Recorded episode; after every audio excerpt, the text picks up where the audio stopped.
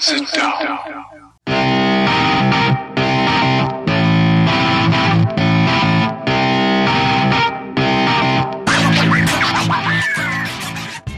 Witam wszystkich i każdego z osobna. Ja jestem Robert Kochan, a to jest Kochana NBA, najbardziej nieobiektywny podcast o najlepszej koszykarskiej lidze świata.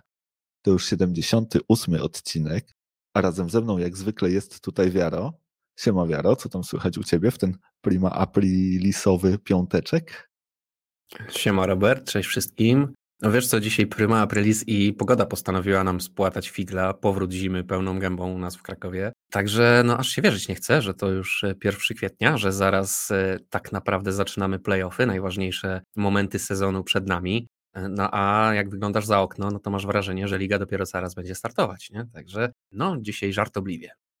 No rzeczywiście, śnieżyca nad Krakowem, taka mała, ale, ale no już samochód trzeba odśnieżyć. Strasznie mi się to nie podoba, powiem ci, co widzę. No właśnie w tym momencie spoglądam za okno i, i nie jestem e, zachwycony. No ale jest też ten prima aprilis, tak? Ten dzień, który pozwala nam na to, żeby podejść może troszkę mniej poważnie, może troszkę mniej formalnie do naszego podcastu. Może to być taki pretekst. No i właśnie e, dzisiaj zrobimy sobie taki nietypowy odcinek przy odrobinie e, soku z winogron i e, zrobimy sobie takie luźne gadki o zachodzie. Czyli po prostu na pełnym luzie e, pogadamy sobie o tym, co tam słychać w zachodniej konferencji. No, bo się dzieje, tak? I jest zdecydowanie o czym rozmawiać. No, można powiedzieć, że wróciły te czasy, kiedy mamy dziki, dziki zachód. Przez większą część mojego tak naprawdę dorosłego kibicowania lidze NBA Zachód był zawsze uważany za konferencję trudniejszą niż Wschód. Przez długie lata, kiedy LeBron grał na wschodzie, zawsze, zawsze mu to wypominaliśmy, że to tylko wschód, że on tam ma spacerek do tych finałów, że tak naprawdę największe, najsroższe boje dzieją się na zachodzie zawsze. No, ten sezon do tego gdzieś tam nawiązuje, przynajmniej jeżeli chodzi o tą zachodnią stronę. No, nie będę tutaj nawet y, ukrywał, że na wschodzie jest jakiś spacerek, nie? wręcz przeciwnie, tam też jest, też jest bardzo ciężko. Nie? Nawet nie wiem, czy ten wschód y, mimo wszystko nie jest, nie jest trudniejszy niż zachód, no ale jednak zachód super wyrównany. No, sześć drużyn, które, które tak naprawdę pomijając Phoenix, no ciężko tam, ciężko tam w ogóle uważać, że ktoś jest lepszy od kogoś drugiego, tak? Można powiedzieć, że faktycznie nawet jak się na standingsy popatrzy, to, to tutaj Phoenix nam wyrasta na większego brata na tej, w tej konferencji. Za nimi Memphis, jako taki powiedzmy średni brat. no i cała banda tych młodszych braci, tak? Cała banda, cała banda zespołów, które mogą śmiało ze sobą rywalizować. Nikt tutaj chyba nie, nie powie mi, że w meczapie Jokic Luka ktoś będzie ewidentnym faworytem tego meczapu. Mm, czy w przypadku Golden State tutaj e, wchodzącego do tej stawki, czy być może e, e, takich zaskakujących Clippers też wchodzących do tej, do tej stawki na zachodzie. Mm, no dziki, dziki ten zachód się szykuje. Ja po prostu nie mogę się doczekać pierwszej rundy playoffów. Super to się będzie oglądało. Będą mega, mega fajne, wyrównane mecze, mega wyrównane serie, myślę. Myślę, że możemy się już w pierwszej, w pierwszej rundzie doczekać Game 7, nie jednego, tutaj na zachodzie właśnie. No i kolejny taki super fajny aspekt, na który już gdzieś tam zwracaliśmy uwagę, możemy sobie dzisiaj jakoś tam e, troszkę szerzej o tym porozmawiać, gdzieś zwrócić na to uwagę, co się stanie po tych playoffach, tak? Mm, no bo teraz, jeżeli jeszcze faktycznie będzie taka sytuacja, że Los Angeles Clippers e, już Paul George wrócił do ekipy i wrócą do tego, do tego grania mm, na poważnie, jeżeli jeszcze jakimś cudem wróciłby Kawhi, no to już w ogóle, ale nawet z samym Polem George'em, to myślę, że też Clippers będą ekipą, która jednak będzie stawiała sobie jakieś cele, jeżeli już do tych, do tych playoffów awansuje, to myślę, że będą chcieli wyjść z tej pierwszej rundy. A jak tu właśnie zwracaliśmy uwagę już tydzień temu i, i chyba dwa tygodnie temu też, ktoś będzie bardzo, bardzo mocno rozczarowany po tej pierwszej rundzie na zachodzie. Jest tam praktycznie 7, jak nie 8 ekip, które roszczą sobie takie no jasne w miarę prawo do tego, żeby grać gdzieś e, o finały konferencji, a przynajmniej widzą się w takiej roli i myślę, że są budowane w, w taki sposób, że jednak myśli się tu o wygrywaniu tych dużych celów. Mm, no i połowa tych drużyn, można powiedzieć, po pierwszej rundzie odpadnie. Taki mamy format, tak? No z, z ośmiu drużyn, które startują, cztery po pierwszej rundzie się pożegnają z playoffami. No i co wtedy, tak? E, no bo jeżeli to będzie Utah, jeżeli to będzie Denver, jeżeli to będzie e, Mavericks, jeżeli to będzie Golden State, Clippers, no czy, czy, czy Memphis, no to pojawią się chyba poważne znaki zapytania, tak? Solidne znaki zapytania, co dalej z tą drużyną robić. Mm, no bo, no bo jak mówię, no, mamy zbyt wielu chętnych, a tylko cztery miejsca w drugiej rundzie. Nie mówiąc już o tym, że po tej drugiej rundzie, jeżeli w drugiej rundzie by się, mm, no nie wiem, takie, takie Phoenix na przykład potknęło i odpadło w drugiej rundzie, to myślę, że też będziemy mówić dokładnie w ten sam sposób. Też to będą duże znaki zapytania i będziemy się zastanawiać, e, co dalej. Także tutaj może być mnóstwo bardzo mocno rozczarowanych drużyn i, i, i co za tym idzie, kibiców tych drużyn. Myślę, że po pierwszej rundzie playoffów w tym roku będziemy mieli dużo, dużo płaczu. No na pewno, tak jest już zresztą od wielu lat na zachodzie, że ta rywalizacja jest e, zwykle wyrównana, że tych drużyn, które roszczą sobie e, jakieś tam przynajmniej prawo do tego, żeby uważać się za rywalizujące o wygranie zachodu jest trochę. Jest też tam trochę dobrych składów po prostu nie? w tej zachodniej konferencji może na wschodzie są teraz e, pojedyncze lepsze drużyny, tak, których, o których mówimy, że to raczej ktoś ze wschodu sięgnie po mistrzostwo, ale chyba tak całościowo nie wiem, czy ten zachód nie jest bardziej wyrównany, natomiast e, jest on na pewno dziki, tak jak wspomniałeś. I tak mi przyszło do głowy taka ciekawa myśl, że, że na tym dzikim zachodzie to tak są w sumie dziki i dziczki. Tylko, że największy problem polega na tym, że w tym momencie trudno ocenić, kto jest kto. Kto jest tak naprawdę dzikiem, a kto jest dziczkiem, bo wiesz, ty wymieniałeś wiele drużyn, tak, z, z tego topu zachodu i każda drużyna tam to jest, to jest inna historia, to jest coś ciekawego do powiedzenia. E, mam nadzieję, że dzisiaj e, przynajmniej kilka takich e, historii nam się, nam się uda omówić. Ty zacząłeś od klipsów, tak? Clips, powiem ci, ten powrót Pola George'a, bardzo ciekawe dla mnie wydarzenie z tego ostatniego tygodnia. Super było go zobaczyć e, na parkiecie. Ja widziałem rzeczywiście, że on trenował, ale nie spodziewałem się, że, że wróci, e, prawdę mówiąc, i to już na tym etapie. Zresztą nie dość, że fantastyczny mecz zagrał, że, że pomógł jakby wygrać drużynie, no że pokazał się z, z mega fajnej strony, bo no to był naprawdę świetny mecz w jego wykonaniu po powrocie i śladu po tej kontuzji prawego łokcia nie było zupełnie widać. On miał i odwagę, i polot, i, i tą swoją miękkość ruchów. Natomiast też to, co powiedział na koniec meczu, kiedy zapytali go o, o, ten, o ten jego powrót, tak? Że, że, że on się wydarzył tak, tak szybko i że widać bardzo mu na tym zależało. No i rzeczywiście Paul George e, potwierdził to, powiedział, że on chce potem patrzeć gdzieś tam na, na swoje legacy, na, na, na swoją spuściznę i nie mieć sobie nic do zarzucenia, że przyświeca mu taka mamba mentality, więc tutaj też nawiązał do Kobiego Bryanta, czym szczerze mówiąc od razu podbił sobie troszkę, troszkę moje serce jeszcze. E, natomiast właśnie potem jeszcze wspomniał e, o tym, że, że widząc tę drużynę, to jak gra, jak bardzo się e, stara osiągnąć najlepszy wynik i, i widząc ten potencjał, który w niej drzemie, on jakby chciał być tutaj razem z chłopakami, tak? I razem z nimi walczyć na tym parkiecie. No i to już w ogóle super, super, no super mnie tym kupił, tak? No z drugiej strony ja też wiem, że, że Paul George bardzo często świetnie wypada przed mikrofonami, a potem ciężko to, to poprzeć bywa tak. E, natomiast ten powrót bardzo mnie cieszy. Myślę, że bardzo się tej e, drużynie przyda, że tam już w tym momencie było sporo tego, tego serca, tej, tej waleczności i jednak też solidna jakość. Ta, ta podłoga tej drużyny jest e, naprawdę solidna. No i właśnie dochodzi do tego Paul George. To są kolejne szanse, żeby może myśleć już o, o wyjściu z tych play-inów. Zobaczymy, jak to się wszystko poukłada. No, a gdyby jeszcze się okazało, że Kałaj powróci, no, słuchaj, wiesz, dwie rzeczy tutaj, tak? Poruszyłeś się dwóch e, zna, znamienitych zawodników ze swojej ukochanej drużyny. No i ja muszę się tutaj odnieść do obu tych, tych, tych e, panów. Jeżeli chodzi o Pola George'a, no to, do, to uderzyłeś w sedno. Ja dobrze wiesz, ja nie jestem zainteresowany tym, co Paul George ma do powiedzenia. E, on wypada fantastycznie przed mikrofonami, on mówi wielokrotnie rzeczy, które chcemy usłyszeć. E, wiesz, że ja już jakby, ja wiem, że on sobie z tym radzi, tak? Ja już nie potrzebuję więcej zapewnień z jego strony, górnolotnych słów i tego wszystkiego, tego, tego budowania tej, tej otoczki. Ja potrzebuję tylko i wyłącznie tego, żeby on to na parkiecie pokazywał i ja jestem święcie przekonany, że on jest w stanie to zrobić, bo doskonale wiesz, jaką ogromną sympatią tego zawodnika darzę mm, i jak bardzo jestem fanem jego talentu, tak? tego, jak on gra w kosza, do czego on jest też zdolny na boisku. I bardzo lubię zawodników, którzy grają po obu stronach boiska i to naprawdę elitarnie. Także ja już się nachwaliłem tego zawodnika wielokrotnie. Natomiast, y, no słuchaj, wszyscy wiemy, jak jest y, z Polem George'em, kiedy przychodzi do grania o ważne rzeczy. I wielokrotnie nas y, i mnie i ciebie zawiódł. No i po prostu liczę na to, że już tego nie będzie. Bardzo mi się podobało to, jak wrócił do drużyny. Po prostu totalnie nikt nic nie wiedział, żadnego nie było pompy z tym związanej, nic, po prostu nagle przyszli ludzie oglądać mecz Clipsów i mówią, o proszę, Paul George jest na parkiecie, nie? Nikt się praktycznie tego nie spodziewał, owszem, tak jak mówisz, gdzieś tam wiedzieliśmy, że trenuje, wiedzieliśmy, że już wraca po tej kontuzji, że jest coraz lepiej, ale nie było żadnych zapowiedzi szumnych, nie było żadnej pompy z tego tytułu robionej, super fajnie, bardzo mi się to podoba, super są takie niespodzianki, no kurczę, no wchodzisz pewnego dnia, e, żeby sobie pooglądać skróty czy, czy wyniki NBA, patrzysz, Paul George grał, nie? No ekstra. E, a jak ktoś już w ogóle miał okazję ten mecz na żywo złapać, no to już w ogóle myślę, że miał super niespodziankę.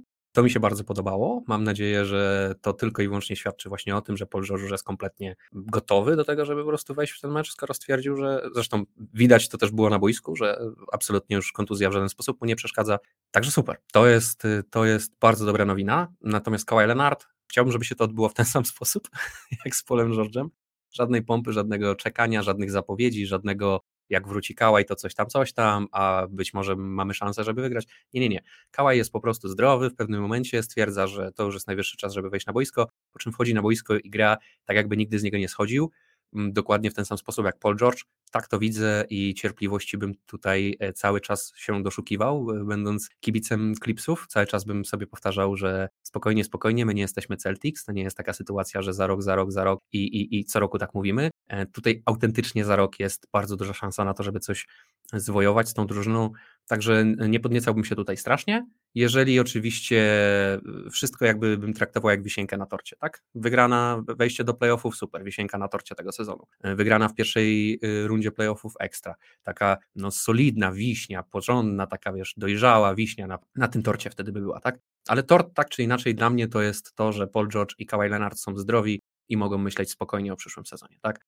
E, bo w tym sezonie, tak jak mówimy, i tak jest dziki zachód. Nawet jeżeli ten Kawhi Leonard wróci, to nie wiadomo jak, wiesz, super optymistyczny scenariusz, Kawhi wraca w fantastycznej formie, macie szansę z Phoenix ale wciąż nie uważam, żeby to było tak, że, że, Phoenix nie ma szans wtedy z Clippers, tak? Możecie dostać Bęcki równie dobrze, też możecie dostać równie dobrze Bęcki od innych drużyn w drugiej rundzie, także na spokojnie, na spokojnie, ja bym tutaj jednak cały czas e, cierpliwość powinna przyświecać i, i zarządowi, i waszym graczom, i, i kibicom. Tyle czekacie na te sukcesy, jeszcze rok poczekacie, nic się wam chyba nie stanie, e, a jakby to miało się zaprzepaścić przez jakiś za szybki powrót Kałaja, jakąś wiesz, y, wróci akurat w playoffach, kiedy ta intensywność grania jest super mocna, kiedy wiesz, y, defensywy się będą na nich skupiać. Rzuci, rzuci się ktoś na, na tego Kałaja, nawet przypadkiem walcząc o piłkę, tak jak to ostatnio miało miejsce ze Stefem Kerem i co? I, i, i powygina mu nogę i, i wiesz, jeszcze, jeszcze mu tą kontuzję e, gdzieś tam odnowi, czy, czy, czy nowej się nabawi, to jest jednak co innego być przygotowany pełnią sezonu, czy też większością sezonu do, do playoffów i być w tym rytmie meczowym i być wiesz, fizycznie w stanie ścierpieć te wszystkie trudy, a co innego wchodzić w to wszystko po kontuzji nagle na taką wysoką intensywność. Nie? Także mimo wszystko chucham, dmucham, bo tak jak mówię, zróbcie to tak, tak samo z Kałajem, jak zrobiliście z Polem George'em, będzie cacy. No słuchaj, ja ci mogę powiedzieć tyle, że, że mi się przynajmniej wydaje, że w organizacji wszyscy są cierpliwi. Zresztą, zresztą na to wskazywałyby też na przykład wypowiedzi Pola George'a, którego właśnie zapytali, hej, wróciłeś po kontuzji, a co tam z Kałajem? I na to Paul George odpowiedział, że Kawhi ma swój własny timetable i on jakby nie zamierza w ogóle na ten, na ten temat rozmawiać, tak? Bo, bo Kawhi wie najlepiej, co jest dla niego dobre, że on się po prostu e, czuł dobrze i czuł się gotowy do gry i chciał, e, chciał tutaj być. Więc myślę, że wszyscy tutaj raczej na spokojnie właśnie podchodzą i że raczej piłeczka jest po stronie Kałaja, tak? Jeżeli Kałaj będzie czuł się na tyle zdrowy i na tyle chętny, głodny y, gry w tym sezonie, że będzie chciał po prostu wrócić i na przykład powalczyć w tych playoffach, to wiesz, no to on sam wie najlepiej, tak? Ja oczywiście przywitam go wtedy z otwartymi ramionami, natomiast na ten moment jakby zakładam, że, że dopóki go nie ma, to go nie ma. I zresztą też wiemy doskonale, że to, co mówisz, to ciche załatwianie spraw, takie zakulisowe, to jest też coś, co jest charakterystyczne dla Kałaja i coś, co on lubi w biznesie i, i w swojej karierze, tak? On raczej e, stara się trzymać te, te najważniejsze informacje przy sobie i, i też myślę, testuje zaufanie różnych ludzi w organizacji, zresztą e, z tym też był e, problem wcześniej w San Antonio Spurs, nie? I to też gdzieś tam przyczyniło się do, do pogorszenia tych relacji. No więc, y, więc tutaj jakby tego spokoju jest bardzo dużo. Nikt się myślę jakoś specjalnie nie jara. Myślę, że Clippers to jest drużyna, o której co najwyżej można powiedzieć, że to są takie dziczki, to jeszcze dodatkowo takie może niezbyt wyrośnięte, co jak przyjdzie wielki dzik, to pewnie pierzchną. W każdym razie, gdyby gdzieś tam zakładając, że że Kałaj jednak wrócił i tutaj by się stało coś historycznego, to e, byłby to w jego stylu po prostu taki ultimate load management, nie? Gdzie sytuacja, gdzie nie zagrasz powiedzmy ani jednego meczu sezonu regularnego, wpadasz na playoffy i wszystkich trzask, frask po prostu rozstawiasz po kątach, wygrywasz mistrzostwa, dziękuję, którędy do kasy i nara. Słuchaj, um, no byłoby to, byłoby to mega kultowe z jego, w jego wykonaniu, ale jednak ciężko będzie. Jednak, tak jak mówisz, no jest trochę dzików na zachodzie. Każdy etap playoffów będzie trudny. Pierwsza, druga runda, finały konferencji. Dojść do finałów w tym momencie przez zachód to naprawdę nie będzie lekki spacerek. No to raczej będzie taka wycieczka właśnie po ciemnym lesie, gdzie y, w, ka w każdym każdych krzakach, które napotykasz, może dzik czekać. Mm, tak, zobaczymy. Tak, tak, jesteś tego pewien, że tyle tych dzików jest? Czy tam nie jest tak, że tam taki jeden rzeczywiście dziki dzik e, grasuje, a reszta dookoła to takie dziczki? No nie, stary, no ja myślę, że tam jest tak, że okej, okay, jak y, mówimy o Phoenix, to ewidentnie Phoenix jest głowę wyżej niż cała reszta, tak? Ale to nie są, to nie jest tak, że Phoenix ma drużynę zbudowaną w, taki sposób, ile razy ja to mówię, to nie jest drużyna nie do pobicia, to nie jest drużyna, z którą nie da się wygrać, jasne, w sezonie zasadniczym młócą. Nieraz to też widzieliśmy, jak te, jak te drużyny z sezonu zasadniczego potem wypadają w playoffach. To nie jest takie same granie, to nie jest taka sama koszykówka i przede wszystkim to jest siedem meczy, których cztery trzeba wygrać z tym samym przeciwnikiem, a nie, a nie wszechstronne granie cały czas z kimś innym w lidze. Więc jakby nie było, playoffy rządzą się trochę innymi zasadami niż sezon zasadniczy. Ja tutaj nie widzę tej, tego, żeby Phoenix miało jakoś tak super dominować tak, nad, e, nad tymi drużynami, z którymi będą grali. E, myślę, że każda drużyna, jakby nie było, ma szansę. Owszem, faworytem będzie na pewno Phoenix dla mnie, ale to nie będzie faworyt na takiej zasadzie, wiesz, że 90% szans im daje na wygranie.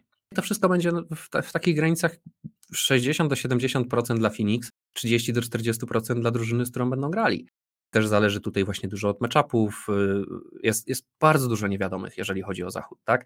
Nie ma tutaj moim zdaniem takich bezpiecznych, lekkich. No, no z kim chciałbyś grać jako Phoenix w pierwszej rundzie i uważasz, że będzie lekki spacerek? Z Golden State, z, z, z, z, Lakers może, no to, to jestem w stanie to łyknąć, tak? Wiadomo, że z pierwszego miejsca no to teraz się wiele nie, nie wydarzy, tak? Ale no docelowo Phoenix musi wygrać trzy serie w playoffach, żeby, żeby, żeby awansować do finałów, tak? Więc będą musieli ograć kogoś z tych, y, no będą musieli tak naprawdę trzy z tych drużyn ograć. No załóżmy, że ograją Lakers, być może Clippers w pierwszej rundzie, no i w drugiej rundzie już może być problem, tak? W drugiej rundzie już się może pojawić Golden State, z którym trzeba będzie grać. Cholera to wie, stary, jak będzie wyglądało Golden State w playoffach. Wiesz, co potrafi Steph, wiesz, co potrafi Clay, jak wróci Draymond, może być super, super, mogą wystrzelić, mogą mieć akurat te dwa tygodnie, kiedy im super siedzi, no i co zrobisz? No i nie wygrasz z nimi wtedy, tak? To samo Denver, to samo Clippers, to samo Memphis, no Utah jest takim dla mnie zespołem, którego nie jestem pewny, ale to jest ja, ja, ja, też zdaję sobie sprawę z tego, że to jest zespół, za którym ja nie przepadam, więc na pewno moje tu. Stary, ja mam dla Ciebie propozycję, bo Phoenix chyba gadaliśmy już wielokrotnie, już, już e, wiadomo mniej więcej, jaka jest nasza wizja tej drużyny, a dzisiaj jest prima aprilis. Nie ma lepszego czasu, żeby pogadać o Utah, więc skoro już to Utah wymieniłeś, to może, e, może pogadajmy e, chwilę o Utah, bo no w Utah ja nie wiem, jak ty na to patrzysz, ale oni póki co są trochę takim jednym z większych rozczarowań tego sezonu, tak? Oni świetnie sobie radzili w poprzednim, no a w tym już wcale nie tak dobrze i ten mecz właśnie z Clippersami, w którym wrócił Paul George, to była dla nich tragedia, to była dla nich po prostu flashback z przeszłości, tak? Cofamy się do, do zeszłorocznych playoffów, do drugiej rundy, kiedy oni wygrywają 25 punktami i zapowiada się totalny blowout, po czym kompletnie topią się e, na naszych oczach i Clippers odrabiają tę 25-punktową stratę.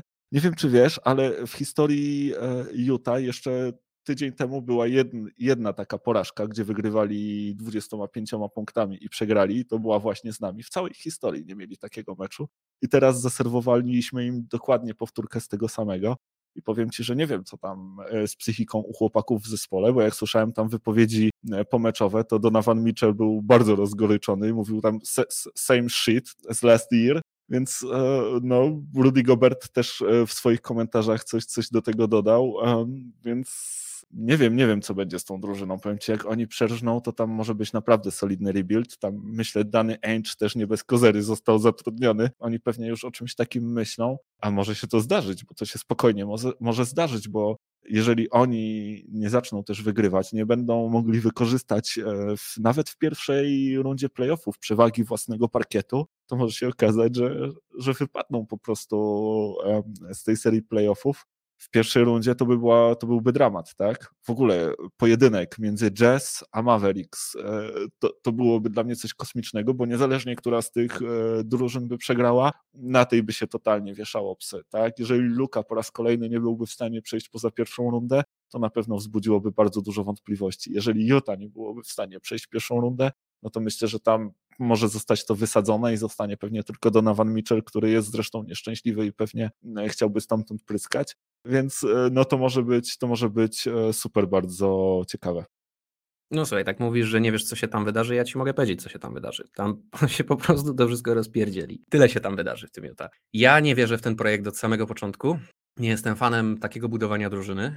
Oprócz San Antonio Spurs, które, umówmy się, Spurs mieli wtedy trzech fantastycznych zawodników, gdzie Tim Duncan to jest najlepszy, moim zdaniem najlepszy power forward wszechczasów, tak? A jeżeli nie, to jeden z.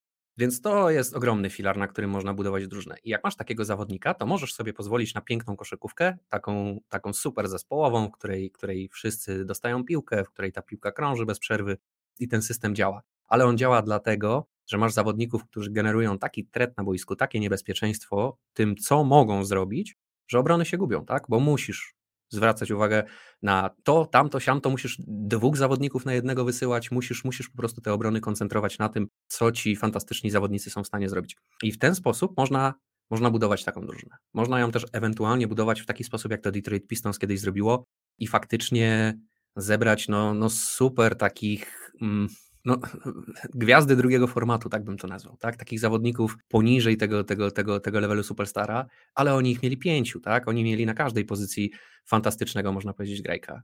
Tam nie było jakichś słabych punktów, na kogo byś nie popatrzył, to i Rip Hamilton przecież, i Tation Prince tam był, e, i tam był e, oczywiście Chancey Billups, i, i Rashad Wallace, i Ben Wallace, no to nie była drużyna, gdzie można było się dopatrzyć jakichś takich słabych punktów. Utah to jest trochę drużyna budowana właśnie na modłę tych drużyn, czyli piękna koszykówka, dzielenie się piłką, każdy, każdy dostaje swoje, każdy jest gwiazdą w tej drużynie.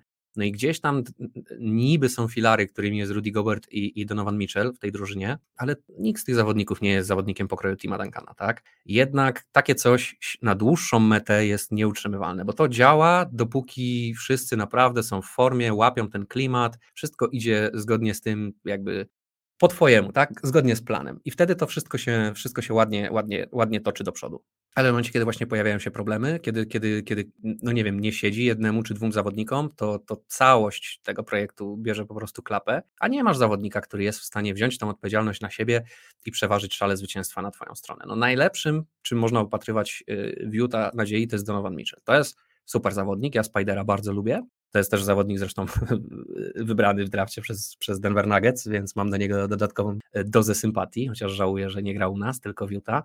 No ale wracając, to jest zawodnik, na którym gdzieś można budować e, swoją przyszłość, ale wciąż to nie jest zawodnik, który się łapie do pierwszej, nie wiem, dziesiątki, na pewno nie, piętnastki, wątpię, być może do dwudziestki pierwszej najlepszych zawodników w lidze. Wciąż masz zawodników pokroju, nie wiem, Jason, Jasona Tatuma, który po prostu jest zawodnikiem dużo lepszym, większym, bardziej uniwersalnym, bardziej wszechstronnym, zdecydowanie lepszym w defensywie. Takich zawodników jest też całe mnóstwo. W tym momencie mamy ligę naszpikowaną gwiazdami. No i co? No i to piękne granie, ta cudowna koszykówka zespołowa, no jak widać, na dłuższą metę się nie sprawdza i to się nigdy nie sprawdzało. Można to robić przez sezon, przez dwa, się czasem to udaje w drużynach, które nie mają tych super gwiazd. Atlanta też kiedyś była taką drużyną, która czterech All-Starów miała, też taką koszykówkę grali. Też się to do, na nic nie przełożyło tak naprawdę na żadne poważne wygrywanie. Więc ja od samego początku ten projekt w Utah tak widzę. Ja nie uważam, żeby Rudy Gobert był zawodnikiem, który jest jakimś e, naprawdę superstarem w, w tej lidze. Donovan Mitchell to najchętniej byś widział, żeby to był drugi najlepszy zawodnik w twojej drużynie, a nie, a nie pierwszy. On myślę, że świetnie by grał z którymś na przykład z chłopaków z Clippers, z, z Kawajem albo z Polem George'em. No i w związku z tym ja nie wróżę tam nic dobrego, tak? Mnie się wydaje, że, że, że po prostu ten projekt się no nie, ma, nie ma szans większych udać. w siedmiu meczach cztery mecze teraz wygrać z kimś z zachodu, z tą ekipą, która tak jak mówisz, teraz jeszcze jest w lekkiej rozsypce. Ta chemia tam już nie jest taka dobra, jak była jeszcze w zeszłym roku. Nie ma takiego wygrywania, nie wygrywają tylu meczy nie przekłada się y, to, to, to w ten sposób też na tą wiesz, braterskość w drużynie, na tą kamraterię. Nie ma tam tego już, y, tak jak było jeszcze, jeszcze rok temu.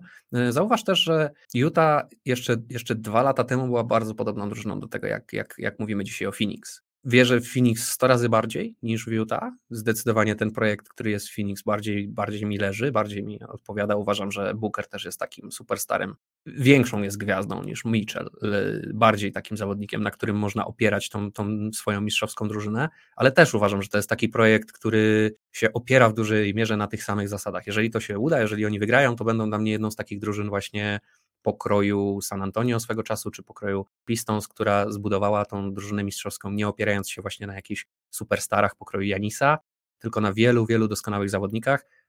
Z tym, że no tutaj akurat ukłony w stronę Chrisa Pola oczywiście i Bookera, bo Chris Paul to jest była super gwiazda, e, no a Booker to jest taki fringe superstar, tak? On jest tak na granicy zawsze, nie? On, się tam dobija do tego grona tych najlepszych, podobnie właśnie jak to jest ten, ten, ten tier, jak myślę, jak Jason Tatum ale to jest fantastyczny zawodnik. To jest fantastyczny zawodnik, na którym można faktycznie coś budować.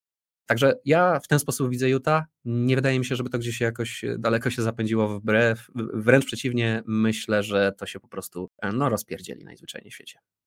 Czyli myślisz, że to właśnie oni będą tym pierwszym pożywieniem e, lukowym w tych playoffach, tak? Jego pierwszym zwycięstwem, jeżeli na przykład na siebie trafią? No, zobaczymy. Luka to jest y, też bardzo ciekawy przypadek, o którym myślę, że y, zaraz sobie e, pogadamy, bo ja też mam parę swoich przemyśleń na temat tego gościa i tego, jak się też patrzy na, na zespół Dallas. No ale sama Utah, nawet jeżeli nie trafią na Dallas, tylko trafią na kogoś innego, ja nie wierzę, że oni w pierwszej rundzie są jakoś super groźni dla kogoś. Chciałbyś porozmawiać o Luce, rozumiem? Bardzo, e, bardzo. Co za, zachwycony jesteś i, i Luka zachwyca nas coraz bardziej, tak? Wiesz co, to jest jedna rzecz, na którą chciałem zwrócić uwagę, ale też y, jeszcze jedna ciekawostka jest, a mianowicie samo to jak powiedziałeś, mm, zwróć uwagę na serię pomiędzy Dallas a Utah, to zapytałeś mnie, czy e, jeżeli Utah wygra z Luką lub jeżeli Luka wygra z Utah. Zobacz, że Dallas się nawet nie traktuje jak zespołu. Na, na ten zespół się patrzy na zasadzie, że to jest Luka. I oczekuje się od jednego gracza, że wygra pierwszą serię w playoffach, bo jak nie, no to będzie, to będzie to o nim źle świadczyć, tak? Że nie umie pierwszej rundy w playoffach e, zagrać. Zobacz, jak wysoko stawiamy poprzeczkę przed tym chłopem. No ale że co, że powinniśmy teraz mówić Luka Mavericks zamiast Dallas Mavericks? No, ale trochę tak no, ale, mówimy. No ale tak jest. No stary, no nie ma się co dziwić. Jednak e, goście, których ma dookoła siebie, no okej, okay, to są gracze NBA, tak? Można powiedzieć często, że są to solidni roleplayerzy na swoich pozycjach ale tam nie ma cudów, a Luka jest po prostu całą ich ofensywą i świetnie się z tej roli wywiązuje. No przecież to, co ten gość robi, trzeba go po prostu oglądać, bo, bo mrugniesz na chwilę i przegapisz niesamowite zagranie. Te, te podania w ogóle bez, bez patrzenia do tyłu na, na trójki, no coś, coś wspaniałego. Odpaliłem ostatnio sobie po prostu jakieś tam e, zwykłe top ten z danego dnia, no i trzy akcje Luki w top ten, tak? Więc e, to jest tego typu gość po prostu. No, tam, gdzie on się pojawia, to, to się dzieją niesamowite rzeczy i tam się dzieje magia. Nie, no jasne, słuchaj, no pełna zgoda, oczywiście, że tak. E, Luka jest zawodnikiem wybitnym i na pewno jest zawodnikiem takiego formatu, że nie dziwią te oczekiwania, e, które stawiamy przed nim. Natomiast wciąż jest to dla mnie ciekawostka, że jest taki, taki etap w karierze zawodnika, czy jest taki poziom, na który zawodnik może wskoczyć, że przestajemy patrzeć na ten sport przez ten pryzmat zespołowości. Bo tak jak wspomniałeś, no jak Utah przegra, no to będzie się będziemy mówić o tym, że to projekt Utah po prostu nie wypalił, tak? że ta drużyna przegrała i że tą drużynę trzeba przebudować. Nikt raczej nie zwali tego stricte na y, Goberta czy na Michela, nie powie, że to jest y, wielka jakaś porażka w karierze Michela, że nie, nie potrafi swojej drużyny przeprowadzić przez pierwszą rundę, a w przypadku Luki już tak jest. Tak? W przypadku Luki mówimy o zawodniku, który mimo tak młodego wieku jest na takim poziomie, że już no, nawet nie patrzy się przez pryzmat tej, tej drużynowości. No nieważne, zasadniczo nieważne, jakich ma kolegów w drużynie Luka, i tak oczekujemy od niego tego, że z byle kim, z chłopakami z łapanki i z, z chłopaczkiem, który podaje piłki, to, to jak tych gości poubierasz w, w koszulki, postawisz ich z luką na boisku, no to oni mają przejść przez pierwszą rundę playoffów na zachodzie, no bo to jest luka, tak? Stary, ja ci dopiero teraz powiem e, zabawny fakt, bo nie wiem, czy wiesz, ale cztery lata temu dokładnie trzy najgorsze drużyny na zachodzie to było Suns, Memphis Grizzlies i Dallas Mavericks w sezonie właśnie 2017-2018. Na koniec sezonu Suns mieli 21 wygranych, Memphis 22 wygrane, a Dallas 24 wygrane. W tym momencie te drużyny są na samym szczycie zachodu. E, sezon jeszcze się nie skończył, a Suns mają 62, Memphis 54, a Dallas 48. Więc popatrz, jak w 4 lata totalnie odwróciła się historia tych drużyn. No a w przypadku Dallas to jest tylko i wyłącznie Luka, tak? Jego wydraftowali właśnie w 2018 roku po tym kiepskim sezonie i od tej pory lecą tylko w górę, chociaż w tej drużynie tak naprawdę poza tym się niewiele zmieniło. Jakaś rotacja, tak? Tutaj niby próba ściągnięcia Porzingisa, ale szybkie flipnięcie go na Dinwidiego, cały czas myślenie, jak tu się wokół tego Luki zbudować, a sam Luka po prostu katapultuje tę drużynę na, na, na szczyty tabeli. Ja myślę, że to będzie jedna z takich historycznych postaci, o których wiesz, kiedyś będziemy mówić podobnie, jak teraz mówimy o tych właśnie, które, które przechodzą e, do historii. E, ale słuchaj, no mówiliśmy już e, trochę o Phoenix, teraz mówiliśmy o Dallas, a jest też przecież to Memphis, tak? I powiem ci, co z tym Memphis zrobić? Ja tego totalnie nie rozumiem, nie? Wydawało mi się, wow, Memphis gra świetnie, bo świetnie gra Jamorant, bo to jest jego fantastyczny sezon. Ale Jamorant znika, a Memphis nie przestaje wygrywać. Nie wiem, czy wiesz, ale w ogóle w tym sezonie Memphis grali bez Jamoranta 21 meczów. 19 z nich wygrali. I to naprawdę z topowymi drużynami. E, grają fantastyczną koszykówkę. To, co wyprawia Desmond Bain, zwłaszcza w tym ostatnim czasie, e, właśnie kiedy, kiedy po raz kolejny Jamorant zniknął, no ja się nie mogę napatrzeć, po prostu tak się super te drużyny ogląda, tam jest taka fajna atmosfera, oni się tak lubią i powiem Ci, że przed nimi jest tak świetlana przyszłość. Gdyby nie Luka, to jakbym miał czyjąś przyszłość wybierać, to, to pewnie właśnie ich. No słuchaj, ja nie mogę się nadziwić temu, co tam się dzieje. Nie jestem w stanie sobie tego też wytłumaczyć, bo ja wciąż, ja, ja w to nie wierzę. No, ja nie rozumiem, jak to się dzieje, że ta drużyna bez Jamoranta tyle wygrywa. Jak? kim? Naprawdę? Desmond Bain? Jaren Jackson Jr.? Dla mnie to jest ogromne zaskoczenie ci zawodnicy. Nie wiem na ile to kupuję. No ciężko mi, wiesz, ciężko mi się kłócić z rzeczywistością w jakikolwiek sposób. No chłopy z meczu na mecz grają po prostu taką koszykówkę, że no shut up po prostu, nie? No jak, co możesz na to odpowiedzieć, nie? Ale no nie wiem, wciąż jestem sceptyczny, stary. No nie wiem o co chodzi. No Jamoranta kupuje w 100%, tak? Mają na pewno super świetlaną przyszłość pod tym kątem. Desmond Bain to też jest dla mnie super fajny zawodnik, Jaren Jackson też, ale jak dobrzy oni będą, czy to też nie jest właśnie tak, jak, jak w przypadku Phoenix, czy jak w przypadku e, Utah, że to jest jakaś taka właśnie harmonia w tej drużynie i to jest ten sezon po prostu, który grają. Słuchaj, widziałem już wiele rzeczy, na które się napalałem w tej lidze, które później zostawiały niesmak, yy, więc jestem, nie chciałbym, żeby to się nie udało. No, jestem fanem tego projektu.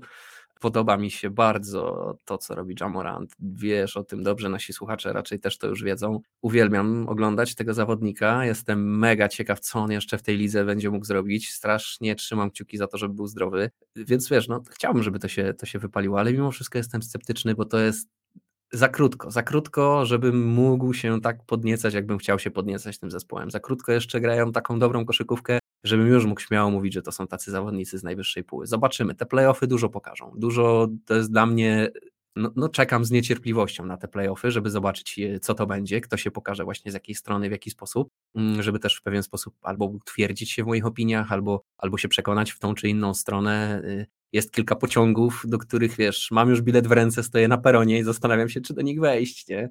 No i zobaczymy. Te playoffy będą na pewno mega ciekawe. Natomiast y, no, ciężko się nie nachwalić tego, co się, co się w Memphis dzieje. No ja mówię, ja nie dowierzam, że oni z taką ekipą, to co mówisz, y, o, o, o jaki mają bilans bez Jamoranta, wiedziałem, że straszny, nie wiedziałem, że to tylko wciąż są dwa przegrane mecze bez niego. No w ogóle jak? Która drużyna w lidze jest w stanie bez swojej najlepszej, bez swojego najlepszego zawodnika, bez swojej największej gwiazdy zagrać 22 mecze i wygrać 19 z nich?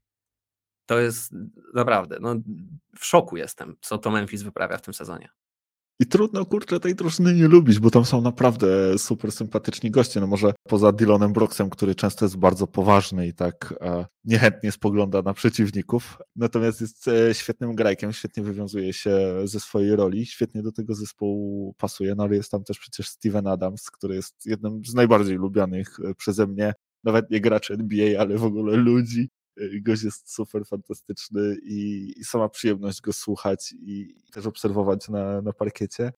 E, no ale właśnie mam pytanie do ciebie, czy twoim zdaniem to, to dziki czy dziczki, bo no właśnie, no bo to co, to, co powiedziałem, czy to nie jest tak, że e, w tym lesie tylko jeden dzik jest, czy, czy tutaj Golden State też na przykład jest takim małym dzikiem? No i właśnie, no i, i, i co z tym Memphis? Czy to twoim zdaniem też są dziki, czy, czy jednak dziczki? No i widzisz, e, niby prima aprilis miało być na luzie, a tu bardzo poważne pytania i super, super trudne decyzje do podjęcia. Um, powiem ci tak, wszystko właśnie zależy od tej perspektywy całego Zachodu, bo jeżeli patrzymy w taki sposób na Zachód, że dzik jest jeden na Zachodzie i tym dzikiem jest Phoenix, no to ciężko wskazać kogokolwiek innego jako drugiego dzika, tak? No nie można w tym momencie Golden State, Golden State jest, wiesz, potencjalnym dzikiem w takim rozumowaniu, tak? Mo mogą, przy, mogą przydziczyć. mogą przydziczyć, tak. E, ale wciąż, nie?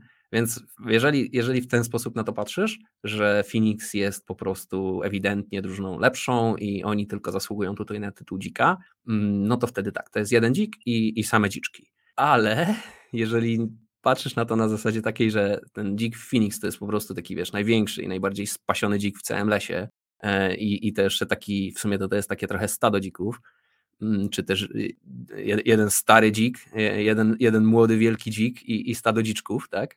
Ale w innych drużynach też są same dziki, tak? No bo jeżeli ktoś mi chce powiedzieć, że Memphis to są dziki, no to okej, okay, zgodzę się z tym, ale to wtedy Dallas też są dziki, Denver też są dziki, wtedy y, Golden State to też są dziki i tak dalej, tak? Bo pomijając Lakers, którzy po prostu no, no nic nie pokazują i pomijając ewentualnie Minnesota lub Clippers, którzy się załapią e, jeszcze do playoffów, E, no to Clipsów to ewidentnie, jeżeli, jeżeli e, Paul George będzie grał, no to można też do tego grona zaliczyć. A tak to, to tam już ewentualnie się można upatrywać takich dziczków tylko, tak? A tak to same, same dziki. No też te sześć pozycji, e, wszystkie te drużyny z, z miejsc 1 do 6, no to tam się ciężko kłócić o to, że, że któraś jest lepsza od drugiej, pomijając to Phoenix oczywiście, nie?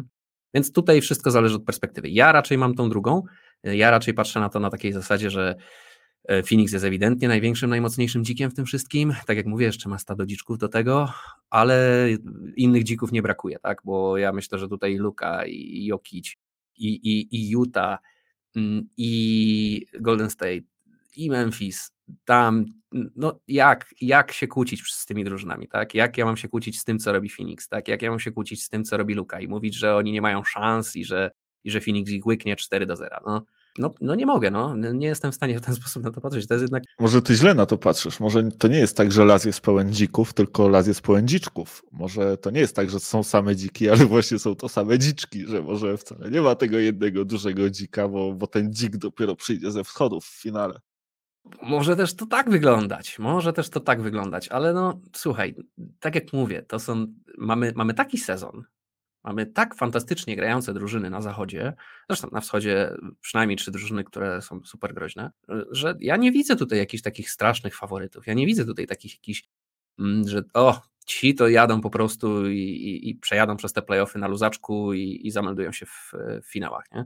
Nawet, nawet y, Milwaukee nie będzie miało takiego spacerku w tym momencie do finału, jak się wydawało. No, czegoś takiego jak robił LeBron y, za swoich lat w Cleveland czy w Miami, no to nie będzie, nie? E, żeby, żeby ktoś miał taką po prostu łatwą drogę do finału. Więc ja się nie zdziwię, jak będą niespodzianki. Faworytów myślę znamy wszyscy.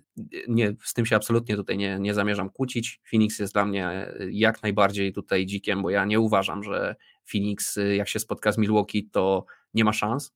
Myślę, że będzie ciężko oczywiście, myślę, że Milwaukee będzie faworytem, ale też nie, nie, nie skreślam Phoenix, tak? Nie, nie uważam, że to jest taki matchup, w którym nie mają najmniejszych szans. Myślę, że szanse mają, jak najbardziej.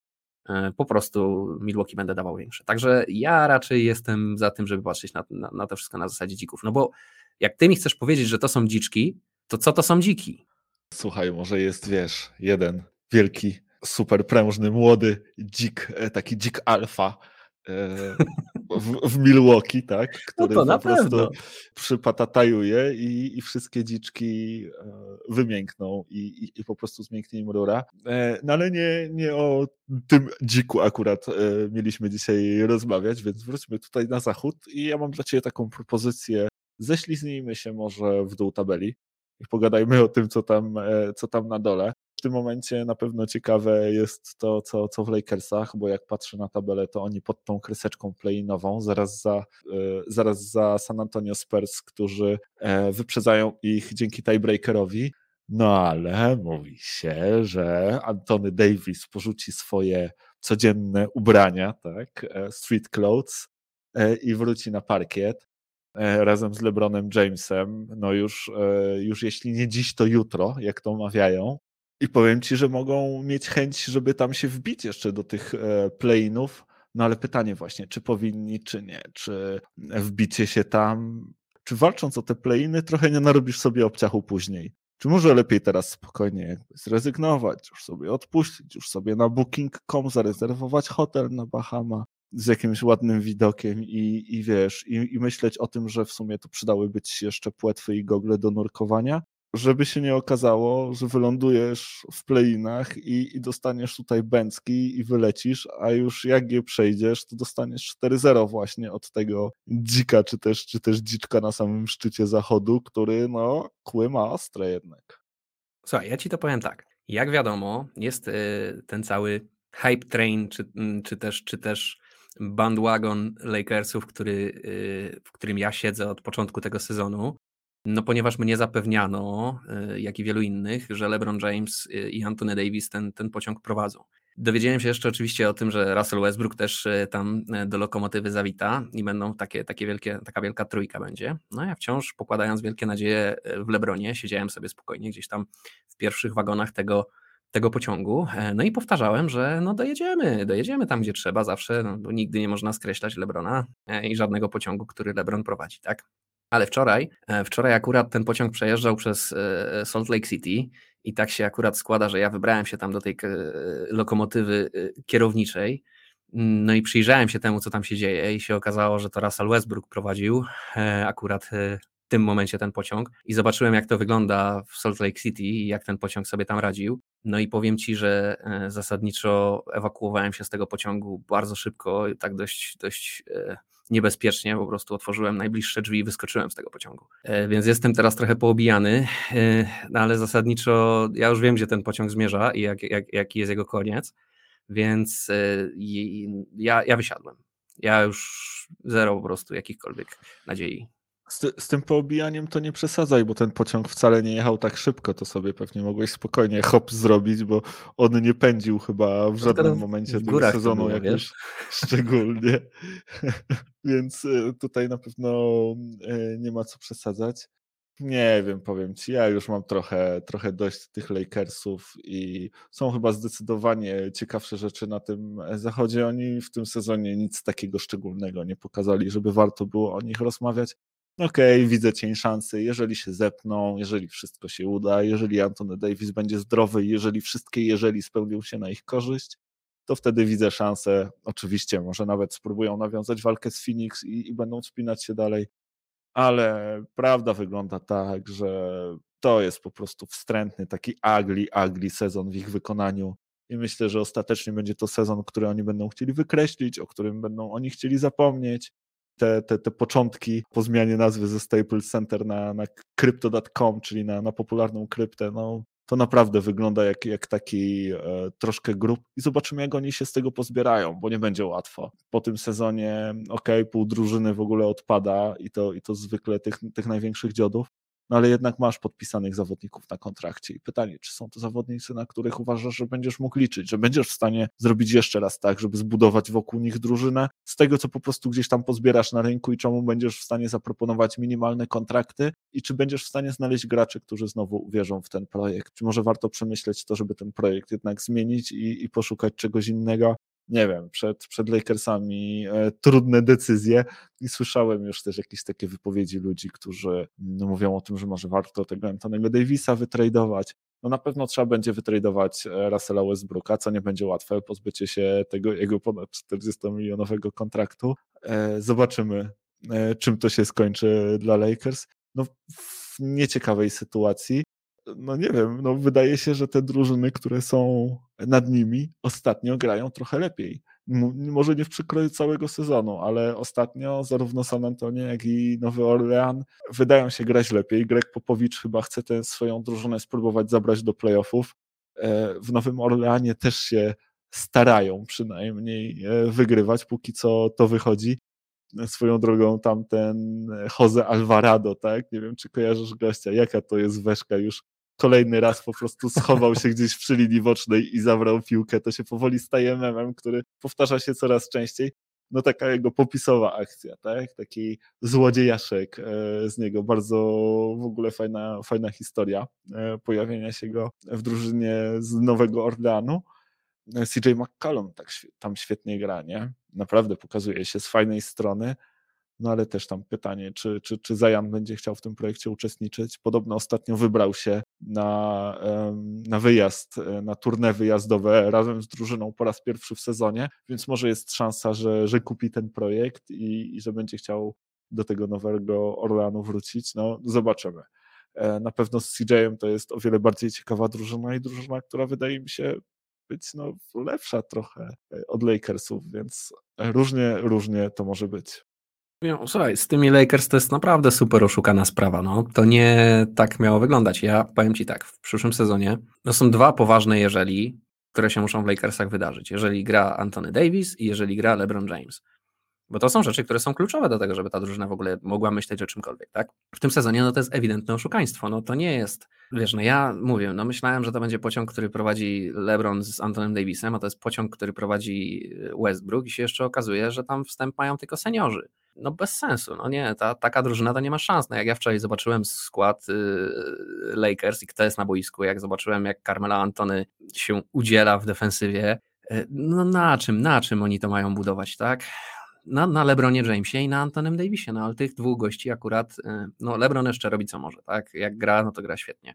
Ostatnio ma trochę problemów, faktycznie nie, nie gra tak często, no ale przede wszystkim Antony Davis, ja to powtarzam, od, odkąd ja to powtarzam, tak, że bez tego gościa, no to, to, to oni mogą do dupy tym pociągiem zajechać tak naprawdę. No i dokładnie tam zmierzają. No i e, ten sezon jak dla mnie już jest stracony, dlatego ja mówię, ja z tego pociągu wyskoczyłem, bo to zanim on wiedzie do tej dupy, to ja, ja wolę być z boku. Natomiast e, w przyszłym sezonie, no to wcale nie jest jeszcze taka stracona sytuacja. Wszystko zależy od tego Antonego Davisa. Wróci, będzie zdrowy, wróci do formy, którą prezentował. Ja wciąż... No wróci, wróci na dwa tygodnie. No, no, no właśnie, nie? No, jak tak to będzie wyglądać, no to koniec. Nie? No, to, to... no wiesz, e, historia pokazuje, że nie ma co liczyć na zdrowie Antonego Davisa, tak? No, ja to no, powtarzam. Możesz, możesz jasno jakby na to, na to spojrzeć, ok? Możesz e, wierzyć, że tym razem będzie inny rezultat, że tym razem się uda, tak? Że nie może tak być w nieskończoność, no ale wiesz, e, jakby nie jest głupotą popełnić błąd, głupotą jest trwać w błędzie, więc pytanie, czy może się tak zdarzyć. No może rzeczywiście Anthony Davis będzie zdrowy, nie stawiałbym na to. Raczej od kiedy go znam, odkąd go pamiętam, to zawsze, zawsze było coś i zawsze te sezony były niepewne. I okej, okay, może będziesz miał szczęście, trafisz na okienko akurat kiedy, kiedy będzie potrzebny, tak jak było w Bablu, że, że będziesz rzeczywiście zdrowy i w dobrej formie.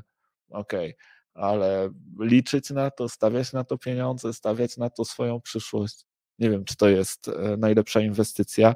No ale słuchaj, chciałem Cię zapytać jeszcze e, o jedną rzecz i o troszkę inną drużynę. Powiedz mi, jakbym Ci powiedział Minnesota Timberwolves w drugiej rundzie playoff, to co byś powiedział? Że wydarzyło się tutaj coś niezwykłego i ktoś tu miał mnóstwo szczęścia i mieliśmy, mieliśmy właśnie przed oczami jakiś taki naprawdę niezwykły przypadek. E, bo oczywiście o ile wszystko w sporcie jest możliwe, to no nie no, z czym, do kogo? Bo wszystko wskazuje na to, że będzie to matchup z Memphis Grizzlies.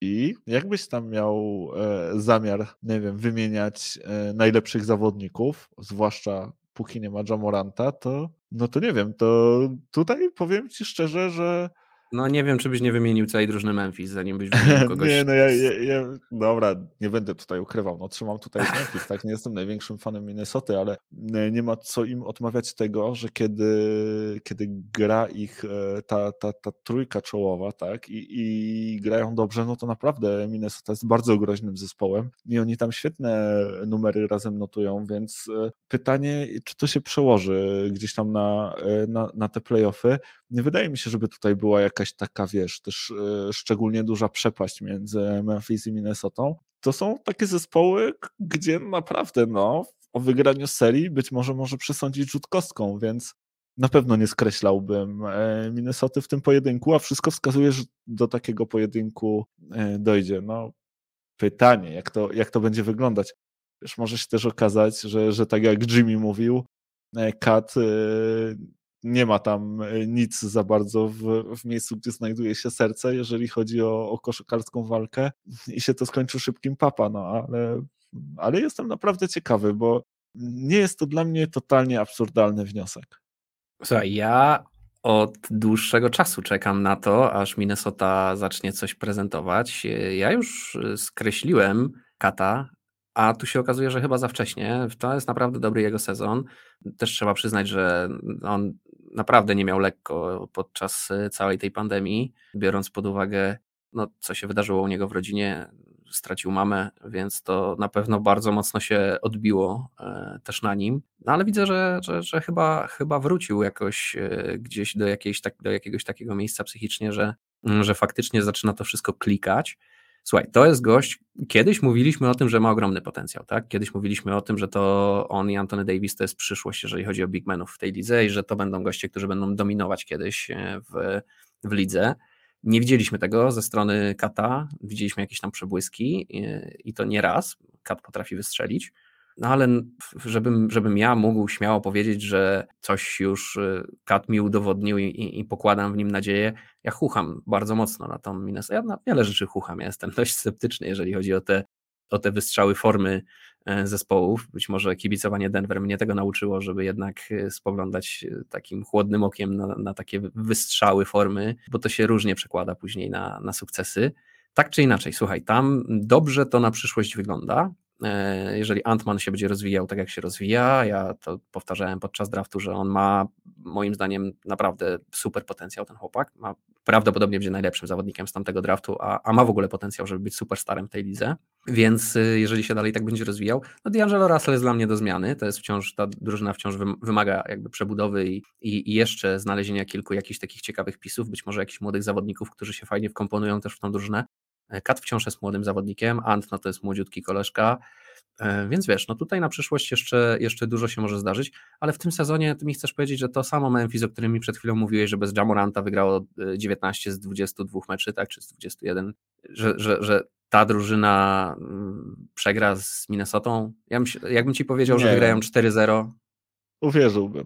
Uwierzyłbym no i kupiłbym to bo równie dobrze jestem w stanie sobie wyobrazić to, że ta drużyna Minnesoty przegra z Clippersami z Polem George'em w składzie w pierwszym meczu play-in i przegra z Lakersami po dobrym meczu Antonego Davisa i LeBrona Jamesa w drugiej serii play i w ogóle wypadną z tych playoffów. Jestem to sobie w stanie wyobrazić, ale, ale też z drugiej strony no, jest coś takiego e, w tej Minnesocie, że myślę, że może to jest właśnie też ten rok, kiedy, kiedy zagram w playoffach, kiedy pokażą się z dobrej strony, no trochę też kiedy jak nie teraz, bo mówimy o tej przyszłości, a ta przyszłość, no ona jaka jest, taka jest, a nie w przyszłym sezonie tak naprawdę yy, mają już ukształtowaną drużynę teraz, nie mają dużo możliwości, jeżeli chodzi o cap space.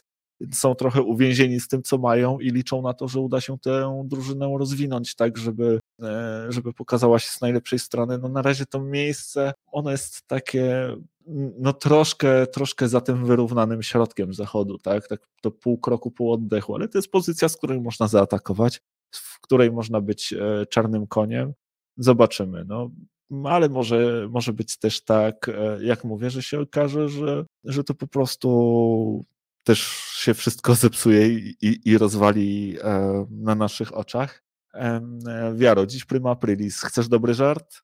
To, to, to po prostu popatrz sobie. Nie, popatrz sobie na skład Portland Trail Blazers, czym oni teraz grają. Bo to, mój drogi, no to jest, to jest trochę taki G-League, team już w tym momencie. Full tank mode, po prostu nurkowanie w dół tabeli. No ciężko, ciężko rozpoznać niektóre nazwiska, ok, tam patrzyłem ostatnio Chrisa Dana kojarzę, ale jest e, gra Keon Johnson na przykład, rookie, którego im e, wytradowaliśmy, ale poza tym to powiem Ci, że naprawdę no paczka koszulek, nie byłbym zadowolony, gdybym kupił bilet na mecz NBA i przyjechało takie Portland, zwłaszcza gdybym był, nie wiem, fanem Oklahomy, to już, to już wtedy w ogóle cięż, ciężko, ciężko uznać, że to był mecz tak naprawdę NBA.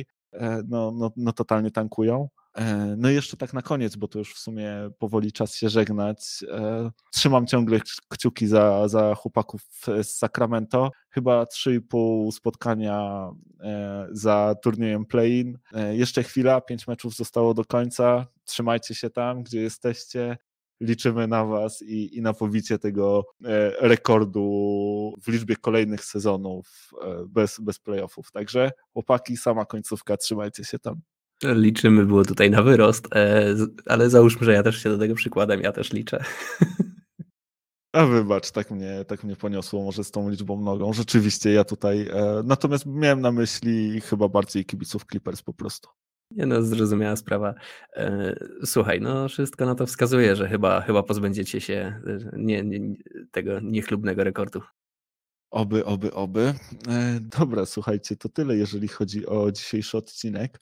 Dajcie nam znać, jak wam, e, jak podobały się wam e, te luźne gadki, e, ten format. Jeżeli się podobały, to może powtórzymy coś takiego w przyszłości. Bardzo chętnie też posłuchamy, kto waszym zdaniem jest dzikiem, a kto jest dziczkiem na zachodzie. My wiemy, że jesteśmy gdzieś tam więźniami swoich opinii, więc chętnie usłyszymy wasze zdanie. Dawajcie znać na kontakt małpka albo na Facebooku, gdzie tylko macie ochotę. No co, a my zapraszamy Was już na kolejny, 79 już odcinek, który, no właśnie, pewnie już za tydzień. Nic dodać, nic ująć. Trzymajcie się cieplutko i do usłyszenia za tydzień. Cześć. Trzymajcie się, hej.